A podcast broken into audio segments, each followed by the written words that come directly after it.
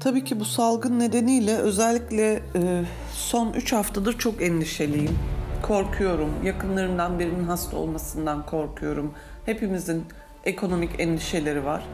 Ama bir taraftan da bu endişelerin, korkuların doğal olduğunu ve bizi koruduğunu da düşünüyorum. Çünkü biz endişe ettiğimiz için annemi çok hızlı bir şekilde izole ettik. Hiçbirimiz 70 yaşındaki annemle görüşmüyoruz. Bir tane kardeşimi belirledik ve 2-3 günde bir annemin market alışverişini yapıp kapıdan belli bir mesafeden bırakıyor. Eğer biz korkmasaydık annemle görüşmeye devam edecektik. Belki içimizden biri taşıyıcı olacaktı ve daha kötü sonuçlarla karşılaşacaktık. Onun dışında gün içerisinde özellikle akşam saatlerinde vaka sayıları, ölü sayıları açıklandığında bu korkularım çok yükseliyor. Hatta birkaç gece uykum kaçtı. Ben de bunun üzerine mümkün mertebe sosyal medyadan uzak kalmaya karar verdim. Akşam rakamlar açıklandıktan sonra özellikle yorumları okumamaya çalışıyorum. Onun yerine vaktimi başka şeylerle dolduruyorum, kitap okuyorum, film izliyorum. Ee, arkadaşlarımla daha fazla konuşuyorum ve arkadaşlarımla da bir karar aldık. Birbirimize daha iyi günlerin geleceğini söylüyoruz. Karamsar olmamaya çalışıyoruz. Korkularımızdan birbirimize bahsetmemeye çalışıyoruz. Ancak bu şekilde bu günleri aşabileceğimizi düşünüyorum. Evet 15 gün mü oldu? 15-16 gün önce kapat dediler. Kapattık. Şimdi evde kalıyoruz. Ne, ne kadar kalacağımızı da bilmiyoruz. Ee, yani ruh halimiz şöyle e, aslında yaşam savaşı veriyor olmakla ilgili bir şey var. Yaşam savaşından kastettiğim de sağlık değil sadece faturalar, geçim, kiralar, şunlar bunlar. Bunlarla ilgili ciddi bir kaygı şeyi diğer olup bitenler yanında. Yani daha ne aniden çöktü üzerimize ne olduğunu yeni yeni anlıyoruz gibi ama asıl olarak şey şu anda e, yani dükkanını kapatmış bir esnaf olarak işin doğrusu sürecin nereye gideceği de belli değil. Ee, şey e, temel şey kaygı, e, sağlık kaygısı ve diğer işte ödemeler ve yaşam nasıl sürdürülecek kaygısı. Ee, onun ötesinde de e, denildiği gibi işte evde kalmış olmanın iyi yanlarından şey yapmaya çalışıyoruz. Ee, ama bu e, ne kadar yapılabiliyor bütün bu koşullarda, bu koşulları bu olan insanlar için ondan çok emin değilim. Ee, öyle durum bu. Evdeyiz, e, duruyoruz. Ne kadar duracağımızı bilmiyoruz. Ee, yani birbiri ardına aynı günleri geçiriyoruz. E, aynı zamanda tabii bol bol e, açıklama izliyoruz. Bunlar da e, rahatlatmak bir yana insanı e, geriyor ve sinirlendiriyor işin doğrusu. Öyle. Karantinada günler korkunç geçiyor. Yani ben evlenecektim. Salgın nedeniyle Evlenemedim, düğünümü yapamadım. Ama evleneceğim için evimi boşaltmıştım. Şimdi erkek arkadaşım ve ben benim anne ve babamın yanına geldik. Ee, burada bu günlerin bitmesini bekliyoruz. Çünkü evimizi boşaltmıştık. Şu anda evsiz kaldık. Zaten ben 5 aydır işsizdim. Yani evden freelance yayın evlerine editörlük yapmaya devam ediyorum ama full time bir işim yok.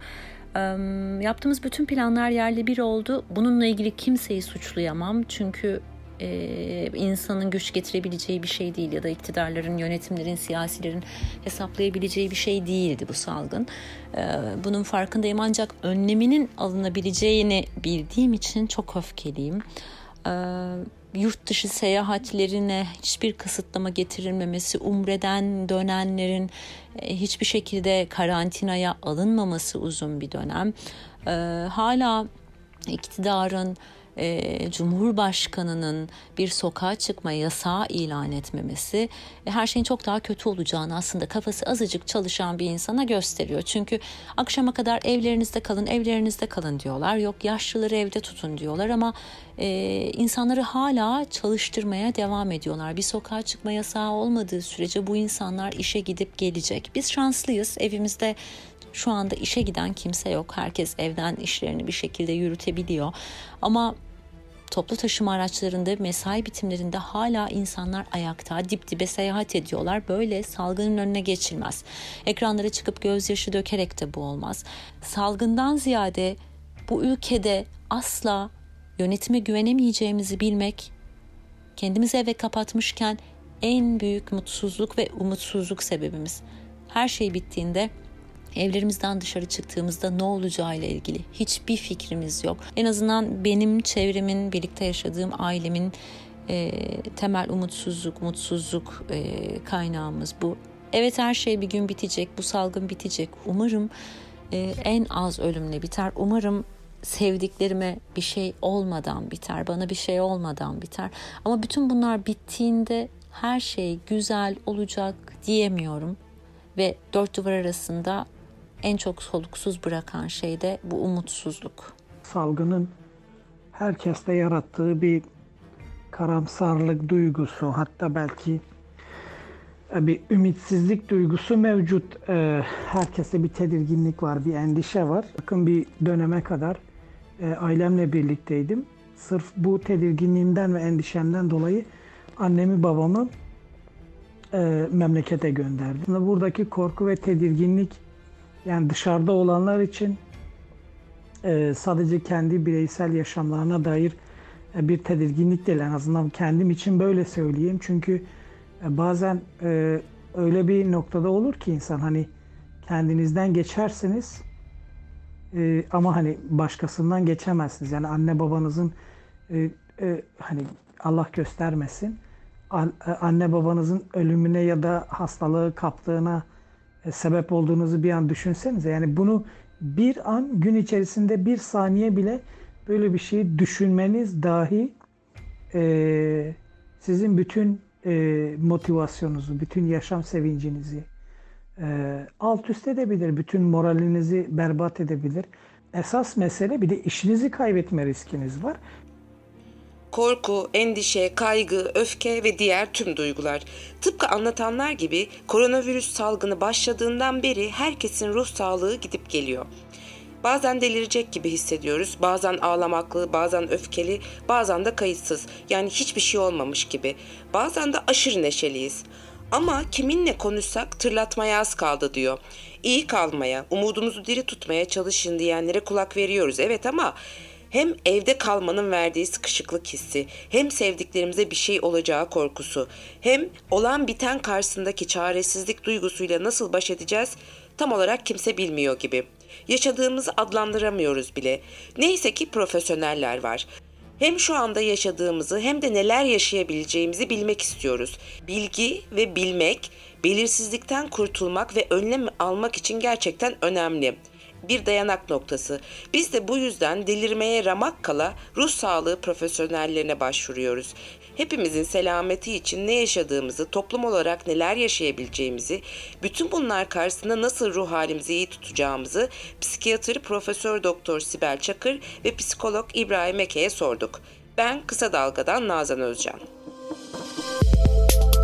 Bizi Kısa Dalga Net ve podcast platformlarından dinleyebilirsiniz. İyi haber şu.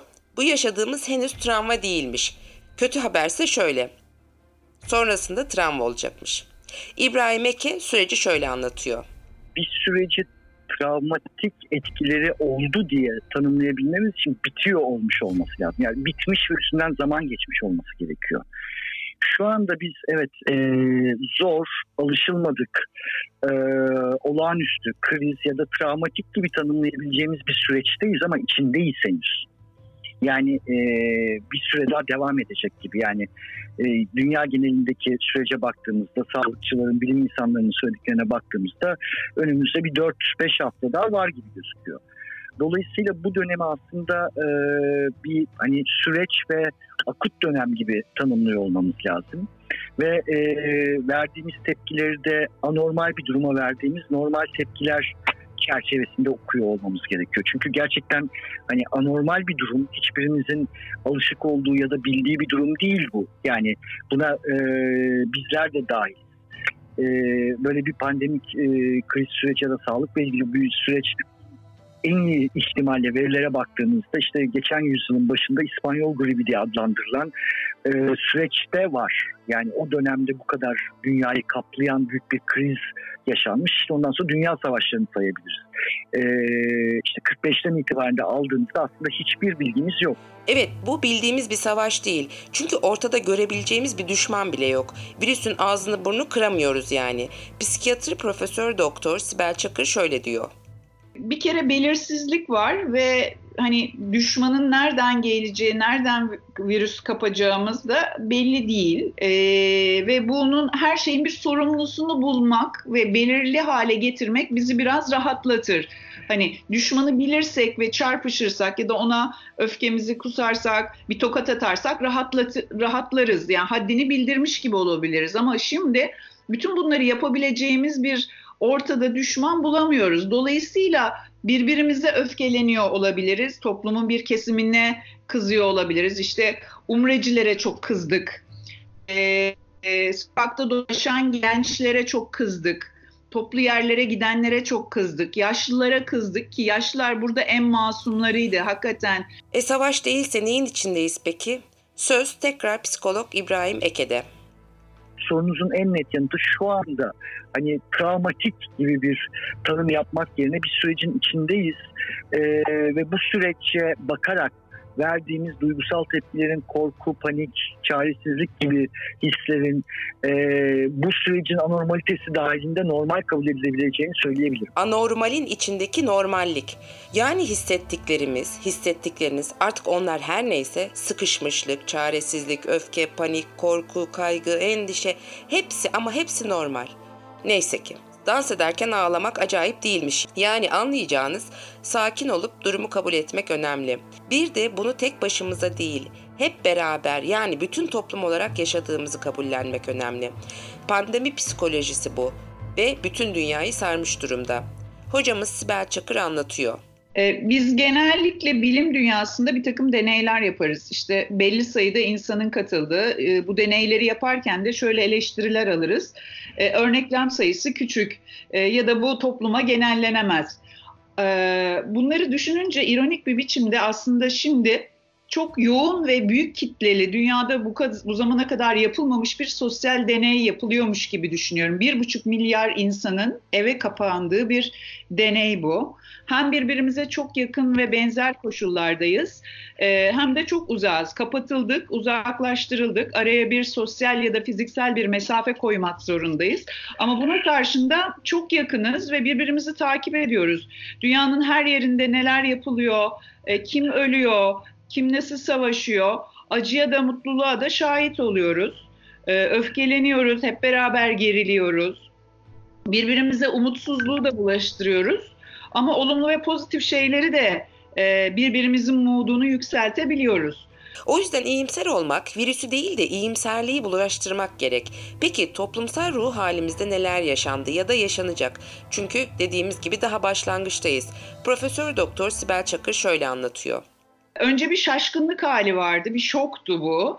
Ee, şok karşısında insanlar psikolojik e, kişilik özelliklerine göre farklı psikolojik tepkiler verebilir. Kimisi inkar eder. Hani bu çok basit bir grip niye bu kadar büyütülüyor diyenlerin olduğu gibi başlangıçta. Ee, ya da bir kısmı hemen baştan felaket senaryoları yazdı.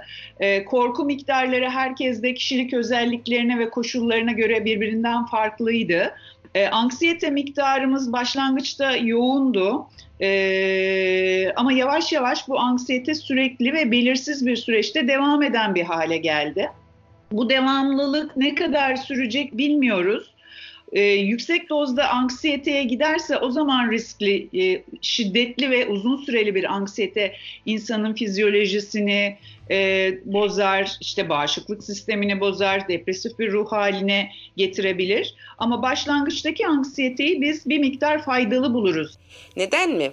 Çünküsünü yine Profesör Doktor Çakır anlatsın işte aksiyon alır, uyandırır onu, kalkıp survive edebilmek için e, davranışlarını değiştirir, hayatına çeki düzen verir, uyum sağlamak için aksiyona geçer. Başlangıçtaki anksiyete e, faydalı ama sürekli hale gelmesi, şiddetli olması hem fizyolojimizi hem de ruhsal sağlığımızı bozucu bir hale gelebiliyor. Memleketin geneline bakınca görünen durumu Sibel Hoca şöyle açıklıyor. Bizde biraz e, güvensizlik ve kaygı hali fazlaca var. Şeffaflıkla ilgili başlangıçta ciddi sorunlar vardı. Kısmen bir miktar çözülmüş görünüyor ama yine de bir e, birbirimize ve yöneticilerimize güvensizlik hali kaygımızı çok da arttırıyor. Tüm güvensizliğimize rağmen ister evde olalım, ister çalışıyor, hayata devam etmek zorundayız yani. Çünkü hayatın bir durdur tuşu yok. O nedenle korkuyu da, kaygıyı da, endişeyi de kabul etmek zorundayız. Daha doğrusu belki de insan olduğumuzu kabul etmeli ve her şeyi kontrol edemeyeceğimizi anlamalıyız. Tabii ki rasyonel bir şekilde yapmalıyız bunu. Rasyonellik önemli. Söz psikolog İbrahim Eke'de. Buradaki temel kriter herhalde korku ve kaygıyı birbirinden ayırt edebiliyor olmamız. Şimdi e, korku, yani nasıl betimleyeyim orayı? E, şimdi arkamızdan ayı kovalıyorsa korkarız ya. Hani korkmamız da gerekir zaten. Ee, böyle bir durumda savaş kaç tepkisi devreye girer. Fizyolojik olarak ve duygusal olarak tepkiler veririz. Hayatta kalmaya yöneliktir bütün bu tepkilerimiz. Donar kalırsak zaten yemek oluruz. Ya bütün evrimin gelişiminde böyle. Ee, savaşabilenler aslında daha çok kaçabilenler böyle süreçlerden evrimin devamlılığını sağladılar. Hani böyle bakıyor olmamız lazım. Şimdi korkunun realitesiyle bunu zihinsel olarak değerlendirme şeklimizin ortaya çıkarttığı kaygı birbirinden farklı şeyler. Endişe kaygı. Ee, şimdi ya olursa diye biz kaygıyı oluşturuyoruz. Ve şu anda da evet e, bilinmezler çerçevesinde gidiyoruz. Yani bilinmezler derken neler olabileceğine dair e, en fazla 2-3 ay öncesinde dünyadaki deneyimlere bakarak yorum yapabilecek hale geliyoruz. İşte Çin'e, Avrupa'ya, akışa, Amerika'ya vesaire yani neler olduğuna dair. Üstüne sosyal medya yüzünden de kim kirli bilgilerine çok hızlı ve çok yoğun e, dolaştığı bir dönemdeyiz.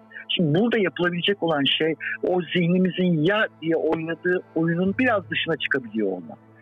Evet mesela şöyle örneklemeye çalışayım. Dışarı eğer günde bir biçimde dört kez girip çıkmak zorunda kaldıysanız dört kez de eve girerken o, o hani evdeki hijyenle ilgili bütün tutumları tekrar yapmak gerekir. Evet dört kez bunu tekrar ediyor olacağız. Ama hiç dışarı temas etmediysek ve bunu dört kez tekrarlıyorsak burada işte o ya yani kaygı devreye girmiş oluyor. Eke'nin de önemli belirttiği bir şey var. Bu hisleri yönetebilmek. Korkuyla kaygıyı ayırt edebildiğimizde kaygı da eğer e, korkuyla birlikte bir e, sarmal yaratıp bizi ele geçirmiyorsa eğer sağlıklı tırnak içinde e, olması gerektiği kadar e, tepkilerle bu durumu yönetebiliriz. Yani hani hiçbirimiz sıfır korku, sıfır kaygıyla böyle bir dönemde yaşayamayız. Bu gerçekçi bir şey değil. Tabii ki kaygılanıyor olacağız, tabii ki korkuyor olacağız. Ee, e, burası net. Böyle olduğunda e, mesela kaygımız arttığında biraz o kendimizin içinden yani o zihnimizin içinden çıkabiliyor olmamız e, günlük temaslarla, günlük evin içinde yaptıklarımızla, yapmamız gerekenlerle basit e, ana odaklanarak çıkabiliyor olmamız birazcık daha efektif değerlendirmemizi sağlayabilir. Yani kaygıyı gerçekçi olarak o gerginliği tanımlamak. Sanki burada hani bir geri vitesmiş ya da kaygıyı da kabul etmekmiş gibi e, anlaşılabilir ama e, burada mesele kaygının kendi zihnimizde nasıl yükseldiğini fark edebiliyorsak bunun azalabileceğini de fark etmemiz olması lazım. Burada Sibel Çakır hocamız önemli bir hatırlatma yapıyor. Hepimizin dikkat etmesi gereken. Ruh sağlığı açısından riskli bir grup var. Mesela daha önce bir psikiyatrik tedavi görmüş olanlar, e, yaşlılar, sağlık çalışanları, e, azınlıklar, e, bağımlılık özelliği gösteren kişiler psikolojik sorunlar yaşamak açısından daha riskli ve bunlar toplumun %20-30'una tekabül ediyor. Belki daha büyük bir grubuna e, ve bunların yaşadığı e, kaygı, stres, e, uykusuzluk ve depresif belirtiler daha fazla. Belki bu risk grubuna daha çok ulaşabilmemiz ve daha çok e, izlememiz gerekiyor. E, bununla ilgili de bir takım önlemler almaya çalışıyor. Türkiye Psikiyatri Derneği'nin pek çok çalışma birimi hakikaten son dönemde. Haber podcastle buluştu. Kısa Dalga yayında. Bizi Kısa Dalga Net ve podcast platformlarından dinleyebilirsiniz. Riskli gruplara dikkat edeceğiz. Bu tamam. Bir de tabii kendimize. Hele de bugünlerde. Diyelim ki küçük çaplı bir kriz yaşıyoruz. O zaman ne yapmak lazım? Sözü İbrahim Eke'ye bırakalım hani paniğe doğru yönelmeden önce bizi tetikleyen şeylerin ne olduğunu, nasıl olduğunu, hangi düşünce akışı olduğunu ya da gelen hangi dış bilgiler olduğunu görüyor olursak belki üçüncü adıma yani farkındalığa doğru gidiyor olabiliriz. Yani bu farkındalık dediğimiz şey de o zihinsel anafordan çıkabileceğimiz ana, güne odaklanmakla ilgili yapabileceklerimizdir. Kendimize, çocuğumuza, kitaba, evde birlikte yaşadığımız hayvanlara, e, bir diziye neyse yani zihnimizin dışına çıkabiliyor olmak bu kolaylaş yani bu adımı atmamızı biraz kolaylaştırır. Şimdi de Sibel Çakır'a kulak verelim. Bununla ilgili yapılabilecekler aslında belli. Ee, herkesin yararlanabileceği bir takım önerileri şöyle söylemek lazım. Eğer bir psikiyatrik tedavi görüyorsanız, uzun süreli psikiyatrik tedavi görüyorsanız ya da başka herhangi bir tıbbi sorununuz varsa ne bileyim hipertansiyonunuz ya da bir e, kronik bir immün sistem hastalığınız ya da diyabetiniz devamlı kullandığınız ilaçlara ara vermeden devam etmeniz gerekiyor. Bunun dışında uyku e, önemli. İmmün sistemi de bağışıklık sistemini de e, uyku bozukluğu bozabilir. İyi uyumaya çalışın. Yani gece yarılarına kadar her kanalda bir takım oturumlar, haberler izlemeyin. E, düzenli uykunuzu al, alın diye öneriyoruz biz. Bu bizim açımızdan çok önemli. Hem psikolojik, psikiyatrik hem de dahili ve e, işte immün sistemi koruması açısından iyi uyumak çok önemli. Günlük rutinini devam ettirmek, belli saatte uyumak, düzenli beslenmek, hareket etmekle ilgili evet bazı zorluklar olabilir ama evinizde mümkün olduğunca hareket edin. Evden çalışanlar, masa başında çalışanlar kalkıp ara sıra mutlaka dolaşsınlar. Henüz gençlere ciddi bir sokağa çıkma yasağı yok ama sokağa çıkılmasın isteniyor. Ama yalnız, tenha, e, kimseyle etkileşime girmeyeceğiniz, sosyal mesafeyi koruduğunuz saatlerde kısa hızlı yürüyüşler yapılabilir. İmkanı olanlar koşullara ve çevreye göre kendinizi ve hiç kimseyi riske etmeden. Bunun dışında yalnız yaşayanlar için önemli bir nokta özellikle 65 yaş ve üzeri için yani sosyal mesafe ya da aslında daha doğrusu fiziksel mesafe e, demek izolasyon demek olmamalı. Çünkü biz biliyoruz ki yalnızlık gerçekten insanı öldürür. E, çok rahatsız edici ağır bir yük mümkün olduğunca elimizdeki ulaşım ve iletişim araçları neyse telefon, görüntülü konuşma, bilgisayar, işte mesajlar, sürekli konuşmayı ve iletişim halini sürdürelim. Yalnız olmadığını bilmek, birileri tarafından düşünülmek e, insana çok e, iyi hissettiren bir durum. Yaşadığımız toplumsal salgın olduğuna göre topluma destek olmak da önemli bir nokta. Bir kişiyim ne yapabilirim diye düşünmemek lazım. Profesör Doktor Sibel Çakır şöyle diyor birileri için bir şey yapabilmek, gençlerin mesela yakın çevresinde ulaşabildikleri yaşlıların kapısını çalıp e, yine fiziksel mesafeyi kurarak hal hatır sormaları, bir şeye e, ihtiyaçları var mı? Çevremizde yaşlı olması şart değil ama birileri için bir şey yapabilir miyiz? Bu duyguya çok ihtiyacımız vardı. Bunu şu anda zorunlu halde yapmak zorunda kaldık ama bunu yeniden keşfetmek bence çok önemli. Sosyal dayanışmaya ihtiyacımız vardı. Yani fiziki mesafemizi korurken ruhi mesafeyi kısaltmak önemli. Anlayışlı ve sakin kalabilmekte. İbrahim Eke şöyle diyor. Mümkün olduğunca kendi kişisel kaynaklarımızın farkına varıyor olmamız lazım. Yani e, zor durumlarda aslında daha önce hiç fark etmediğimiz, kendimizle ilgili olan esneklik ve becerilerimizi görürüz. Yani travmatik süreçler her zaman insanı bloke etmez e, büyüyerek ve esneyerek çıkabiliriz böyle süreçlerden. E, çok uzun zamandır aynı evin içinde yaşayıp bir ailenin içinde yaşayıp teması olmayan birçok insan aslında gerçekten temas etmek zorunda kaldığı bir dönemi de yaşıyor olacak. E, bu süreç eğer sağlıklı, efektif e, yönetilemezse ciddi çatışmaların, aile çatışmalarının olduğu bir dönem de söz konusu olabilir. Ama tekrar e, birbirimizi keşfettiğimiz, ilişkimizi, hayatımızı keşfettiğimiz farklı biçimde e, elimizdeki telefonlardan, iPad'lerden, bilgisayarlardan kurtulduğumuz, birbirimize değdiğimiz bir süreç de olabilir. E, birlikte göreceğiz. Yani neler önerirsiniz? Kendinizle olun, becerilerinize bakın, yeni beceriler kazanın, esnekliğinizi kaybetmeyin dışında şu anda bu kadar genel ve kaba şeyler dışında söyleyebileceğim bunlar. İçinizden söylemesi kolay tabii. Gel de sen yap bakalım diyeniniz olmuştur. Ama kestirip atmayın lütfen. Diyelim ki kalabalık bir evdesiniz ve tartışma çıktı. Profesör Doktor Sibel Çakır'a mesela bunu sorduk. Cevap şöyle geldi. Ee, en fazla yapılabilecek tabii ki odayı değiştirmek, işte balkona çıkmak falan olabilir ama e, birbirimize daha fazla tahammül etmemiz, e, öfkelendiğimizde e, öfkemizi kontrol edebilmemiz gerekiyor. Bunu biz yapmasak da yavaş yavaş e, öğrenmemiz gerekiyor. Bu zamana kadar alışkanlığımız olmasa da öfkenin yükseldiği anda yani gerginliği fark ettiğimiz anda hemen o, o diyaloğu kesmek ve bunu bir başka zamana daha sakin kaldığımız bir zamana ertelemek ve e, o konuda görüşmeyi ertelemek oldukça önemli. E, birbirimizi tolere etmek ve birbirimize e, destek olmak zorundayız. Nefes alma delikleri olmalı kesinlikle. E, işte aynı şeyden hoşlanmayan bireyler bunu sırayla işte evde tek televizyon varsa e, bir birinin e, sevdiği bir şey izlenebilir. Bir, bir başka bir baş sıraya konur yani ne bileyim akşamları film izleme sırası yapıyorlarsa eşit seçilsin filmler gibi ya da yemekte mesela uyumsuzluklar varsa e, karşılıklı ev içi demokrasiyi geliştirmemiz zorunlu hale geldi. Belki ev içindeki demokrasiyi biz öğrenirsek toplumsal demokrasi için de bu e, model olur ve belki bu açıdan da adımlar atabiliriz. Yani birbirimize tahammül etmek, e, dayanışmak ve birbirimizi anlayabilmek açısından aslında çok da önemli ve kritik bir zaman bu. Öğretici bir zamana dönüştürmemizde fayda var. Evlerde bunlar yaşanırken bir de dışarıda çalışmak zorunda olanlar var ki onların baş etmesi gereken stres seviyesi daha yüksek.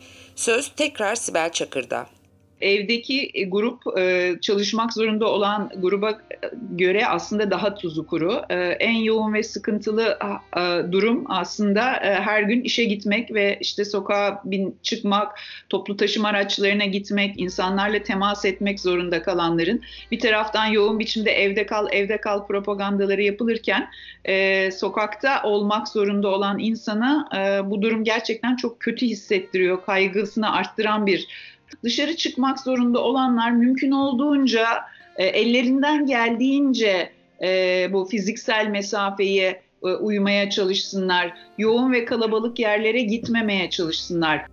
Evet onlarla dayanışmak herkesin boynunun borcu aslında. Çünkü şu anda bütün yükü çeken onlar. Stres seviyeleri oldukça yüksek. Hatta şunu bile söyleyebiliriz. Siz evinizde daha rahat edebilin diye onlar kendilerini riske ediyorlar.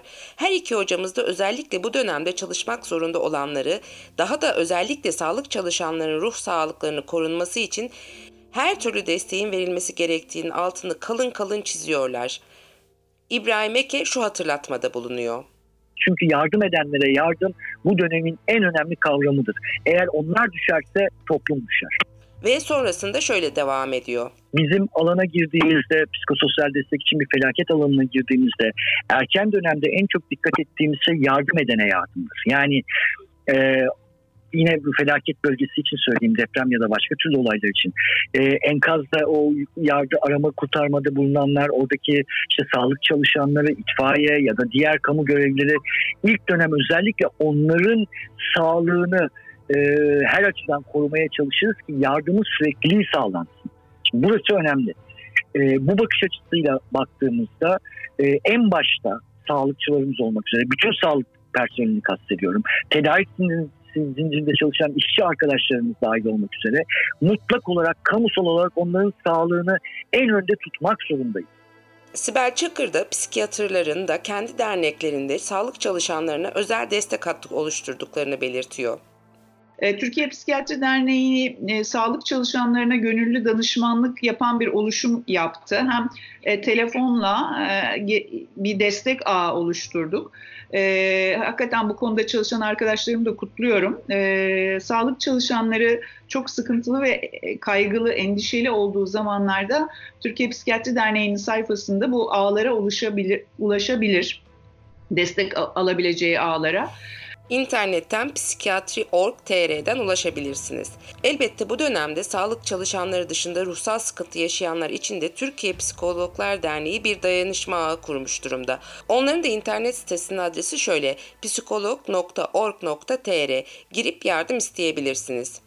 Bu noktadan bakılınca aslında çok güzel bir şey. Salgın bir yandan da dayanışma salgınına dönüşüyor. Ama şu ihtimal de var. Sibel Çakır'a bu salgının arkasından bir depresyon salgınına sebep olur mu diye soruyoruz. Cevap şöyle. Olabilir. Aslında hiç istemediğimiz ve e, özellikle korktuğumuz tablo bu. Bu biraz salgının süresi, salgın sırasındaki kayıplarımızla da ilişkili. E, umarım e, olmaz ve daha kötü tablolara yol açmaz ama salgında yakınlarını ve sevdiklerini kaybeden ya da kaybedeceklerin e, ciddi bir yas reaksiyonu arkasından depresyon geliştirme tablolarından korkuyoruz. E, bunun dışında en önemli neden de arkadan gelişecek depresyon için ekonomik kayıplar ve kriz, işsizlik. E, ekonomistler bunu üzerine basa basa söylüyorlar ve e, gündemde de e, sürekli ekonomik sorunlar var e, işini kaybetme, işsizlik ve arkadan gelen e, ekonomik kriz e, umarım bir sosyal patlamaya ve krize neden olmaz. Ama biz biliyoruz ki dünyada ekonomik krizler sonrasında depresyonlar ve intihar oranları çok yükseliyor. Ee, en çok korktuğumuz tablo da bu. Sonra da Profesör Doktor Sibel Çakır bir hatırlatmada bulunuyor. Sürekli şikayet ettiğimiz modern ve kapitalist hayata dair bir hatırlatma bu. Ama içinde umut olan bir hatırlatma. Dönem öyle bir dönem ki ekmeği bölüşme dönemi ve sosyal desteğin her zaman olduğundan daha fazla gerekli olduğu bir dönem.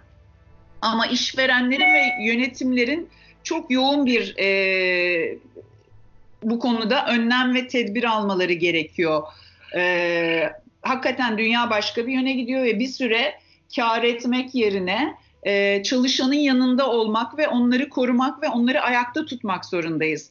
Virüsten e, sağ kalmış, hayatta kalanın bundan sonra da ekonomik zorluklardan e, kurtulup ayakta kalması için maksimum çabayı göstermemiz lazım. Bu da topyekun bir seferberlik ve birbirine destek ve dayanışma gerektiriyor. Sibel hocamız çok önemli bir noktayı daha işaret ediyor. Şu anda sokağa çıkması da yasaklanan 60 yaş üstü insanlar. Gerçekten onların yaşadığı birçoğumuzun yaşadığı ruhsal sıkıntılardan daha fazla. Çünkü televizyona çıkan her uzman, her uyarı, her kişi sürekli koronadan yaşların öleceğini söyleyip duruyor. Yani bir anlamda her birine her gün defalarca sen öleceksin diyoruz. İnsanlar gerçekten bununla yaşamak zorunda kalmamalı. Çok acımasız ve insanları daha da zor bir psikolojiye sokuyor. Yaptığımız ayrımcılığı anlatması için sözü Profesör Doktor Sibel Çakır'a bırakalım. Yaşlıları koruyalım derken evet yaşlılar salgına ve virüse, enfeksiyona karşı daha hassas ve kırılganlar. Onları koruyalım derken onları e, yaptığımız uygulamalar ve söyleyiş biçimimizle bence kırdık diye düşünüyorum. Yani kırılganı kırdık, kırılganı koruyamadık. Ee, yaşlılık zaten kendi içinde işe yaramazlık, ölüme yaklaşmışlık, yalnızlık gibi bir takım olumsuz psikolojiyi barındırırken biz bir de onları zaten yaptıkları ve ulaşabildikleri kısıtlı sosyal aktivitelerden uzaklaştırıp iyice yalnızlığa mahkum ettik. Ee, toplumda bence üstü kapalı bir yaşçılık, e, batıda da çok dile getiriliyor son zamanlarda. Bunu ortaya çıkardı. Hocamızın bu anlattığından sonra aklıma kendi apartmanındaki yaşlarla yaşadığımız korona yardımlaşması geliyor. Markete giderken her seferinde kapılarını çaldığım iki yaşlı pardon genç hanımın kapıda paraları kolonyayı bulayıp bana vermeleri. aman kendine dikkat et diye bin kere tembih etmeleri, siparişleri alırken her seferinde beni tam kapıda baştan aşağıya kolonya ile yıkamaları, bir iki dakika sohbetten sonra beni çay içmeye davet edemedikleri için çok üzgün olmaları, benimse tüm bu çaresiz günler içinde evime daha bir mutlu döndüğümü hatırlıyorum. Ha bir de tabii elimde 10 yaşındaymış gibi çikolatalarla. İşte bu dayanışma, birliktelik ve iyilik kurtaracak bizi belli ki. Himmet denilen kültür ötekine aşağılamaktır. Dayanışmaysa toplumun bir bütün olarak hayatta kalmasıdır. Diyen İbrahim Eke'den gelsin son söz. Hani uzak doğuların söylediği e, ilginç zamanlarda yaşasın diye bir beddua varmış. E, demek bizim şansımıza da bu dönem çıktı. İlginç zamanlarda yaşıyoruz. E, ilginç zamanlarda evimizde tek başıma değil, tek başımıza değiliz.